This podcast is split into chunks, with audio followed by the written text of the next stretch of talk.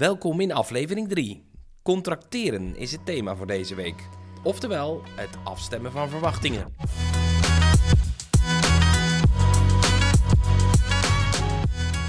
Je luistert naar Zie je wel, de podcast. De podcast over transactionele analyse, gemaakt door de TA Academie. Wij zijn Hanno en Janneke.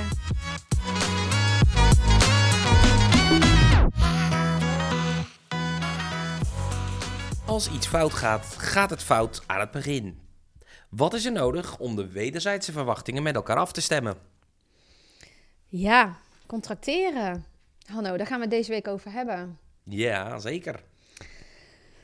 Waar gaat dat over wat jou betreft, contracteren? Ja, het is een, eh, beetje een duur woord. Je denkt gelijk aan een eh, contract, dat heb ik dan. Eh, als zijnde een arbeidsovereenkomst. Maar dat is natuurlijk niet wat er bedoeld wordt. Eh, contracteren is een, eh, een werkwoord, dus het is een voortdurend proces rondom het afstemmen van verwachtingen. Mhm. Ja.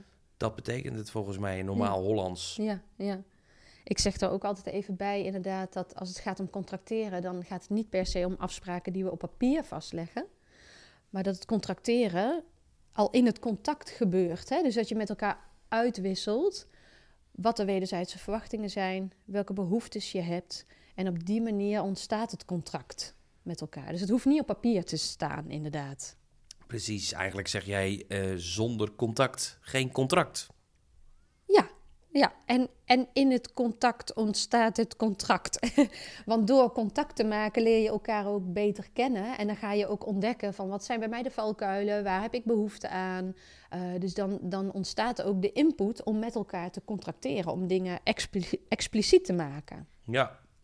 Ja, het fascinerende vind ik eraan dat het ook weer een gelaagdheid heeft, hè, dat contracteren. Mhm. Dus je denk, ik denk al snel van, uh, nou, dat, dat piepen we even als het maar duidelijk is.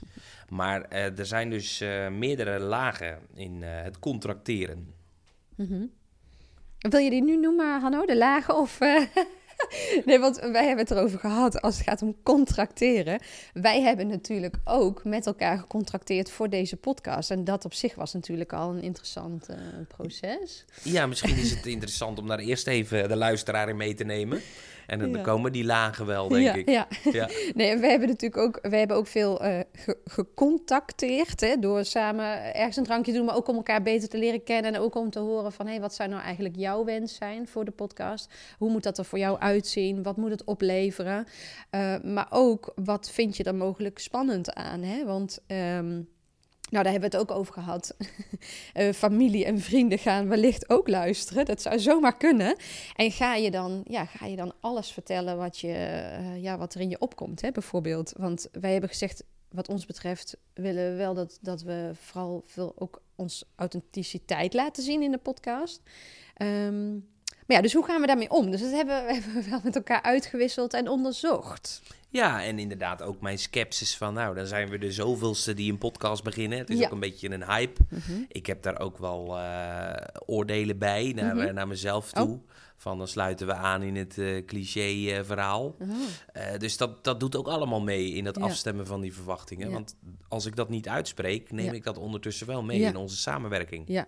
Zonder dat jij het weet. Ja, ja, dus wij hebben elkaar wel goed bevraagd over, nou, wat vind je mogelijk ook spannend? Wat ik ook spannend vond en vind overigens, is dat, uh, dat er ook mensen luisteren, wellicht, die um, in mijn ogen meer verstand hebben van TA dan ik, dan wij. En uh, ja, die vinden daar uh, misschien wat van. Ja, dat vind ik ook wel spannend. En het helpt mij dus heel erg om dat uit te spreken. 100 procent. Ik ja. denk dat dat heel goed is en dat we dat ook gewoon eerlijk delen. Um, ja, anderzijds is het ook een kwestie van heel dicht bij jezelf blijven. Mm -hmm. Dus ook contact met jezelf maken mm -hmm. om goed te kunnen contracteren. Mm -hmm. Kijk, ik heb bijvoorbeeld duidelijk richting jou aangegeven dat ik de techniek uh, niet zo ambieer. Hè? Daar krijg ik geen energie van. Al was, al was onuitgesproken de deal van dat wordt een 50-50 verhaal. Oh ja? Ja, dan was dat bij mij wel als een uh, last uh, oh, gekomen. Ja. En nu zit ik hier veel relaxer. Ja, omdat Om... ik alle techniek doe. Ja, precies. ja. ja, ik vind het fantastisch. Ik voel me bijna te gast hier. Ja. Oh, dus je bent eigenlijk de co-host. nou, een soort wel, ja. Zo voelt het wel. Maar uh, ja, dat, dat, dat afstemmen, het zorgt er denk ik ook voor... dat je allebei in vrijheid verbonden bent, ja. om het zo maar te zeggen. Ja. Dus um, ja, je kan je, je eigen stuk meenemen. We zijn allemaal unieke mensen. Uh, en nou, we weten ook dat we elkaar aanvullen. Of dat dingen in je allergie liggen. Of dat je krachten hebt en Mhm. valkuilen. Mhm. Nou, dat is denk ik heel belangrijk. Om dat Mhm. gewoon te weten van elkaar. Ja, ja. ja, daar hebben wij best wel uitgebreid eh, over gesproken met elkaar. Ja. Wat Ja. voor mij heel helpend voelt in elk geval. Ja, en we hebben het nu over het eh, contract tussen ons. Eh, maar er is natuurlijk ook nog eens een contract met de TA-academie. Ja. Dus Ja. er zijn eh, ja, soms onbewust al meerdere partijen en dus ook meerdere contracten. Mhm. Want wij doen dit een opdracht van de TA-academie. En die hebben natuurlijk ook weer hun verwachtingen Ja. bij wa- wat dit gaat worden. Dus dat hebben we volgens mij ook zorgvuldig gedaan, Ja. dat afstemmen. Ja, volgens mij ook. en ik wou jou vragen, hoe hebben we dat gedaan? Maar we zijn daarover in gesprek gegaan. We hebben het gesprek gevoerd Ja. en dat helder met elkaar afgesproken. Wat zijn de verwachtingen? Wat is de rolverdeling? En ik herken sinds ik dit begrip ken, ben ik er ook altijd een beetje eh, chronisch onzeker eh, bij. Mm. Van heb ik het wel goed genoeg afgestemd? Hmm. Het kan ook bijna een kramp worden, herken ik wel eens. Dus ehm, ja, die, die, die slogan van als iets fout gaat, gaat het fout aan het begin. Mhm. Ik kom dat zo vaak tegen Mhm. eh, in mijn leven. Dat ik denk, ja Hanno, je bent hier zo naïef ingegaan Mm. of zo slordig. Dus zo veroordelend ook naar jezelf. Ja, ja, ook wel. Ja. Eh, maar ik ben er soms eh, heel alert in en je moet er ook niet in doorschieten, vind Ja, ik. ja. De permissie die mij daarbij helpt, is om gewoon te realiseren dat je voortdurend kunt hercontracteren. Ja, ja. Dus als iets niet meer goed voelt, ja, stem dan opnieuw af. Mhm. Maar heb daar wel oog voor dat je Ja. teruggaat naar de tekentafel. Van jongens, het voelt niet goed. Wat kunnen we doen om het contract weer zuiver te krijgen? Ja, ja. ja, dat herken ik wel. Hè? Dus het is heel helpend om je bewust te worden van dat het goed is om expliciet naar elkaar uit te spreken wat je verwacht. Hè? Of hoe je dingen voor je ziet. Het voelt voor mij ook echt heel helpend. En tegelijkertijd, ik kan daar ook wel eens in doorschieten. Jij hebt dat ook wel eens tegen mij gezegd. Jij bent zo grondig. En dan denk ik van, ja, heel grondig. Maar voor mij is het echt goed om op een gegeven moment te zeggen zo. En nu hebben we voldoende gecontracteerd. En nu gaan we ook weer verder. Want ook inderdaad het hercontracteren vond ik overigens ook een eye-opener. Het hoeft namelijk niet aan, de begin, aan het begin helemaal waterdicht en af te zijn. Dat is niet realistisch. Dus wat kom je dan gaandeweg tegen om weer op te hercontracteren? Want er zijn altijd verwachtingen die ja, weer net een eigen leven gaan leiden. Of waarvan je achteraf denkt, oh, daar hebben we dan toch niet voldoende afgestemd. Ja, Mm. en ik denk dat er ook verschillende stijlen mogen zijn in het contracteren. Mhm. hè. Want jij noemt het eigenlijk al, jij bent heel voorzichtig en eh, heel ehm, zorgvuldig tegelijk. Mhm. Hè? Zie je het als een compliment. Mm. Eh, ik ben meer ook wel een type van, eh, nou, we zien wel. Ja. en dat is ook mijn valkuil, maar Ja. ook wel eens een kracht. Mhm. Ja. Want daardoor kom je ook wel op, op zijn plek. Alleen het is een andere weg die naar Rome leidt. Ja, ja. Ja, en ook fijn om van elkaar te weten. Want eh, toen we dit gingen voorbereiden, ik eh, was helemaal enthousiast. En ik, ik ging allerlei dingen op papier zetten, want dat vind ik dan lekker werken. Ik weet dat jij dat ook lekker werken vindt. En toch kan ik daar dan onzeker over worden, omdat ik dan bang ben dat ik jou met van alles overlaat. En dat jij denkt, zo, als het zo moet, dan hoeft het voor mij niet meer. En dat helpt voor mij dan ook om het gewoon even te checken. Hé hey Hanno, vind je het oké dat we het op deze manier doen? Dus dat contracteren is eigenlijk iets wat eh, continu gebeurt. En het is denk ik ook wel goed, en eh, daar moeten wij ook nog afspraken over maken, wat mij betreft, dat we op bepaalde momenten teruggrijpen op ons contract. Ja, En dat weer even tegen het licht houden. ja. Hè, dus binnen, binnen organisatieadvies eh, raad ik dat ook altijd aan. Mhm. Van eh, plan iets in Mhm. met een bepaalde frequentie. Dat je weer even dat tegen het licht houdt. Van Mhm. klopt het nog? Voelt het Ja. nog goed van beide kanten? Ja, En, zo- Ja. niet, wat moeten we veranderen? ja. ja, en dat gaat heel erg over waar we het in onze vorige afleveringen over hadden, over contact maken.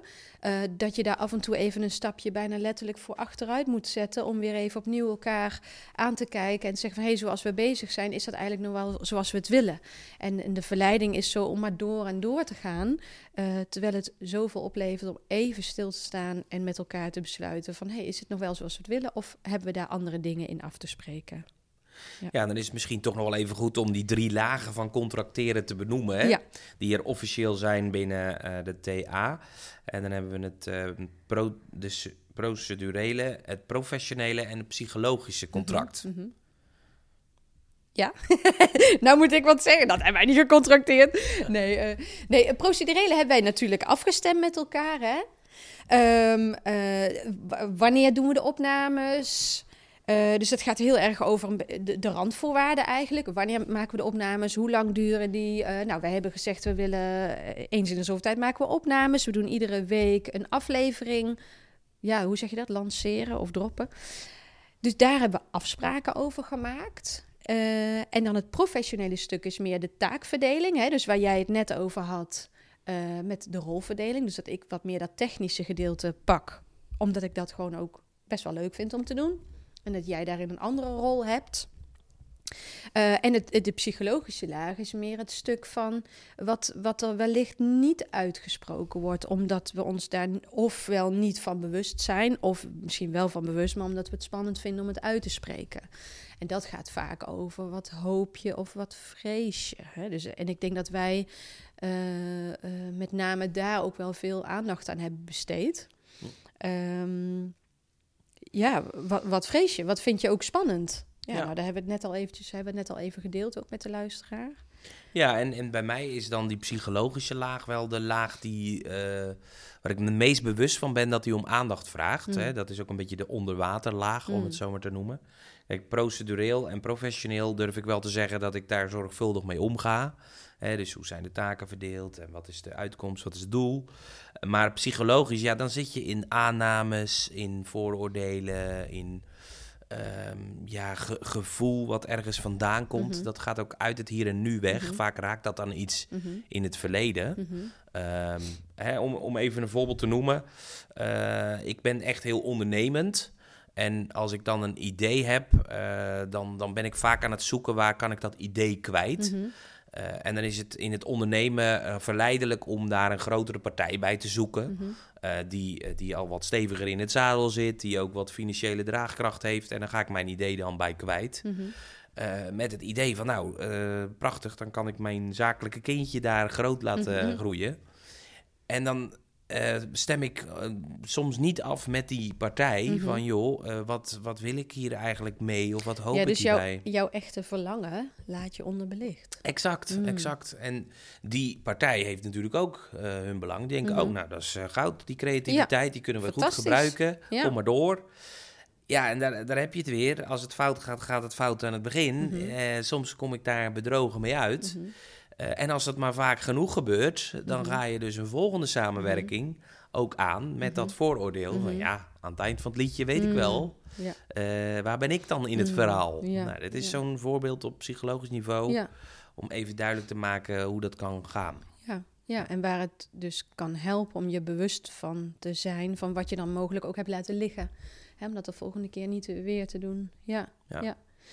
Ja, dat is wel een mooi voorbeeld inderdaad. En in een hele praktische zin kom ik het ook wel tegen. Als, je, als ik een afspraak maak met mensen, dat ik, dat ik, ik maak vaak wel een afspraak over de begintijd, maar niet altijd expliciet over de eindtijd. En ik heb wel eens gehad dat, uh, dat ik bij iemand was en die had uh, voor mijn gevoel alle tijd van de wereld. Uh, en ik niet, want ik had gerekend op dat ene uur. Uh, en dan, dat is verder allemaal niet heel dramatisch, maar dat is wel interessant. Als het gaat over contracteren, heb ik dat niet gedaan. En ik merk dat dat niet altijd voor de hand ligt. We, spreken, we beginnen zo laat en we eindigen zo laat. Um, en we spreken ook lang niet altijd af, waar gaan wij het eigenlijk over hebben? Wat moet dit gesprek opleveren? Um, en wat ik, wat ik wel regelmatig tegenkom, is dat uh, in organisaties dat mensen zich... Uh, nogal ergeren aan overlegmomenten bijvoorbeeld. Hè? Dat het vaak meer rituelen zijn dan dat, we, dan dat mensen echt afspreken van wat moet dit overlegmoment opleveren. Hè? Dus dan hebben we anderhalf uur met elkaar gesproken. Het is eigenlijk nog helemaal niet helder wat het heeft opgeleverd. En dat het soms echt een eye-opener kan zijn. Uh, overigens ook een spannende, spannend besef van... hey, laten we met elkaar aan de voorkant afspreken... wat moet dit overleg eigenlijk opleveren? Dus dat is een eye-opener aan de ene kant. Aan de andere kant merk je dan ook dat mensen denken... hoe, maar die is ook spannend. Ja, want het gaat ook heel erg over wie neemt dan welke verantwoordelijkheden. Ja, mooi voorbeeld, uh, Janneke. En uh, ik vind het ook altijd uh, heel spannend om die psychologische laag gewoon te benoemen. Mm. Maar ik ben inmiddels wel zover dat ik weet, mijn intuïtie bedriegt me niet. Mm. Hè, dus bijvoorbeeld met een individueel coachingstraject mm -hmm. is het heel belangrijk waar de intrinsieke motivatie mm. ligt. -hmm. En of dat die er überhaupt is. -hmm. Hè, er, er, worden genoeg mensen naar een traject gestuurd door een ander. Ja. ja. als je dan niet, ja, als je dan ja. niet op psychologisch niveau afstemt van joh, waarom zit jij hier? Ja. Ja, soms is dat gedwongen. Ja? En, en, en zijn er allerlei, ehm, nou bijna straffen aan eh, gekoppeld of gevolgen van als je hier niet in meewerkt dan. Ja. Ja, als, als je die laag eh, in het contracteren over het hoofd eh, verliest, dan, dan kan je tot een vreselijk einde komen. ja, ja. Ja, ik heb het ook wel eens gehad met een groep medewerkers. Die waren inderdaad verplicht om een training te volgen. En dan heb je op contracteren nog wel wat te doen. Zeker op die Ja. psychologische laag. Ja. Want ehm, de verwachting is dan soms dat, dat ik daar een hele leuke middag van ga maken. Eh, en, en dat ga ik niet meer doen. Dat deed ik in het begin, eh, vond ik die verleiding, lag dat meer op de loer voor mij. En nu, eh, ik heb daar laatst ook een keer, heb ik, nou, op een gegeven moment, ja, eigenlijk letterlijk mijn spullen neergelegd. En gezegd van, hey, wie, wiens verantwoordelijkheid is het hier eigenlijk dat dit wat op gaat leveren? Hè? Het kost jullie tijd, het kost mijn tijd. Dus hoe, wat gaan we daar beide in doen om dit van waarde te laten zijn? Ja, En dat, dat, dat is, nou, dat, dat vond ik ook echt heel spannend. Eh, het is ook heel spannend. En tegelijkertijd door die psychologische laag wel bespreekbaar te maken. En dat, dat was op dat moment deed ik echt met, eh, met mijn hart bonkend in mijn keel. het zweet in mijn oksels. Eh, maar dat, dat heeft zulke mooie gesprekken opgeleverd. Hm. Eh, en na afloop dat ze ook teruggaven van... eh, wauw, dat, dat, dat, was, dat was niet fijn, maar wel heel waardevol. Dus dank je wel dat je ons daarmee geconfronteerd hebt. Mhm. Ja. ja mooi. Ja. Dus ja, en ik heb ook wel eens letterlijk gevraagd aan, eh, want die vraag kan soms helpen hè, als het gaat over het contracteren op de psychologische laag, van dat je letterlijk, en ik vond dat in het begin een hele rare vraag, maar dat je letterlijk aan iemand vraagt, stel dat dit niet oplevert wat we hadden gehoopt, of stel het gaat niet lukken, waar ligt dat dan aan? Dus dat je aan de voorkant die vraag al stelt. En ik heb dat, die vraag wel eens letterlijk gesteld eh, aan een opdrachtgever. En eh, toen zei diegene eh, lachend: Ja, aan jou natuurlijk. En toen, toen zei hij er meteen achteraan, want hij schrok eigenlijk van zijn eigen antwoord. Toen zei hij er meteen achteraan: Ja, ja, eh, dat was natuurlijk een grapje. En hij zei erachteraan: eh, Maar daar zit natuurlijk ook wel een kern van waarheid in. En ik dacht alleen maar: Ik zwijg, want volgens mij gaan de kwartjes vanzelf vallen. Maar daar hebben we wel een heel mooi gesprek gehad. Ook weer over: hey, wiens verantwoordelijkheid is het hier eigenlijk dat, we, dat dit wat op gaat leveren? Ja, mooi. Ja, ik vraag ook wel eens, eh, geloof je in de verandering die we Mm. beogen? Mm, Dat is denk ik ook een typische vraag op psychologisch niveau. Soms zijn mensen daar best eerlijk in. Die zeggen, Ja. nee, dit, dit Nee, is weer ja. eh, een hoop tijd Ja. eh, investeren in iets waarvan ik wel weet hoe het eindigt. Nou, dat gaat ook over de psychologische laag. Ja. Ja, dus die voorspelling, die is goed om die boven water te halen. Hè? Als ik bijvoorbeeld met een collega moet samenwerken... waar ik al drie keer eerder, eh, wat me al niet gelukt is... omdat mijn collega zijn afspraken niet nakomt. En ik denk nu van, eh, nou prima, het zal allemaal wel, ik doe het wel weer. Dan, ik heb al de voorspelling dat het waarschijnlijk toch niet gaat lukken. En die voorspelling gaat waarschijnlijk uitkomen. Dus het is heel erg de moeite waard om aan de voorkant met elkaar het te hebben... over wat is eigenlijk je voorspelling. ja. Nou ja, self-fulfilling prophecy, daar Ja. hebben we het eigenlijk Ja. ook een beetje over nu. Ja. Hè? Ja. Ja, het is ook denk ik eh, goed om wat eh, aandachtspunten voor eh, het contracteren te benoemen. Mhm. Ehm, wat ik uit mijn werk weet is dat het echt belangrijk is om dus ook goed contact met jezelf te maken. Mhm. Dus ehm, bij mij gaat het mis als ik in de, in de versnelling schiet. Hmm. Dus vertragen is voor Mhm. mij heel eh, Mhm. helpend. Ja. Stil te staan bij wat voel ik, wat heb ik nodig, Mhm. eh, te luisteren naar mijn intuïtie. Eh, ja, en ook niet in de underdog-rol te schieten. Mhm. Hè? Dus als je aan iets nieuws begint, dan kan het zijn dat je het gevoel hebt van... nou, ik mag blij zijn dat ik deze kans krijg. Dus laat ik mijn mond maar houden en we, we zien later wel. Ja, dat kan al gelijk voor scheefgroei zorgen. Mhm. Ja. Ja. ja, omdat je niet duidelijk uitspreekt wat je nodig hebt daarin. Ja, Precies. dat herken ik wel. Die versnelling heb ik ook wel. Ik kan dan heel erg hard gaan werken of mijn best gaan doen. eh, en dat, dat helpt mij over het algemeen ook niet. Dus ik, ik heb het vertragen ook wel eh, eigenlijk eh, met dat ik TA leerde kennen en daar meer mee ging werken, is het vertragen wel iets wat mij heel veel heeft opgeleverd. Omdat dat helpt me om hier te blijven. En dus in contact met mezelf en de ander. En dat levert mij informatie op basis waarvan ik kan contracteren. Hè? Dus door een vraag te stellen aan de ander. Of bij mezelf te checken wat ik nou eigenlijk nodig heb. Hè? Dus wat ik heb te contracteren met de ander. En daarbij goed voor mezelf te zorgen. Ja. Ja. ja, want dat vroegen we ons ook nog af. Hè. Nou hebben wij eigenlijk ook een contract met de luisteraar. Daar hadden we het over. Ja, dat is een interessante vraag, ja. Eh, nou, officieel natuurlijk niet, maar op psycho- psychologisch niveau denk ik ook wel. Ja, Eh, er zijn natuurlijk ook verwachtingen eh, bij het luisteren. ja. ja en wij ook van de luisteraar. Ja, precies, ja. ja. Ja, dus het speelt op allerlei niveaus. Ja, dat is wel, wel grappig. Ja. Ja, en eh, nou, ik vind het wel een mooie vraag. Als iemand daar leuke, leuke inzicht in heeft, dan delen me vooral. Maar omdat ja, contracteren gaat heel erg over wederzijdse afstemmingen. Hè? Dat gaat natuurlijk in het geval van de luisteraar eh, lastig. Maar je hebt altijd wel met meerdere partijen te maken. Hè? Dus als het gaat over onze podcast. Nou, wij hebben met elkaar gecontracteerd. We hebben gecontracteerd met de TA-academie.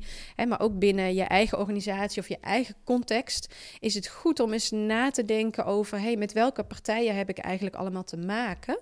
En ehm, eh, ja, op welke lagen heb ik al goed gecontracteerd en waar wellicht nog niet? Want ik heb ook wel eens gehad dat ik eh, werkte ik met een, eh, een groep mensen die werkten bij gemeentes. En dat we het zo, het, het onderzoeken van het contracteren stuk. zeker bij het meerhoekig contract, hè, dus daar waar er meerdere partijen om de hoek komen kijken. Dat er één iemand zei van, goh, ik heb me eigenlijk nooit gerealiseerd hoe hoe groot de rol van de burger eigenlijk is in het contract wat ik heb. Terwijl ik ga zelden tot nooit daadwerkelijk het gesprek aan met die burger. En ik heb daar nog wat op te halen. Ja, en dat vond ik zo'n mooi inzicht, want dat wordt dan over het hoofd gezien, terwijl het zo wezenlijk een rol speelt in de taak die je moet vervullen. Ja, mooi voorbeeld. Ja, jij noemt al het begrip eh, meerhoekige contacten, eh, Mm. co- contracten. Dus het driehoekscontract, dat Mhm. is vaak eh, de praktijk. Hè? Er zijn meerdere partijen bij, eh, bij betrokken. En de psychologische afstand, wil ik dan ook nog even Mm. noemen, die is denk ik ook heel goed om te toetsen. Zeker als er meerdere partijen eh, betrokken zijn, hoe voelt de psychologische afstand? Mhm.